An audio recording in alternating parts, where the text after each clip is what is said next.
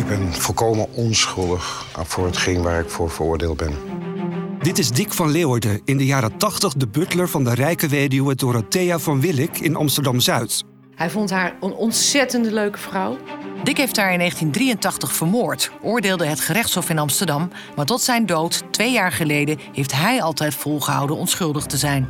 Als ik uh, geen eerherstel krijg en er komt overlijden, dan, dan kunnen ze een, een stuk vuil gaan begraven. Volgens talloze deskundigen is het de grootste gerechtelijke dwaling uit de Nederlandse geschiedenis. Deze veroordeling had nooit mogen plaatsvinden.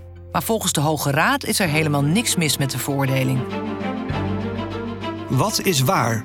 Luister naar De Butlermoord. Een nieuwe podcast van Babs Assink en Lammert de Bruin voor Afrotros en NPO Radio 1.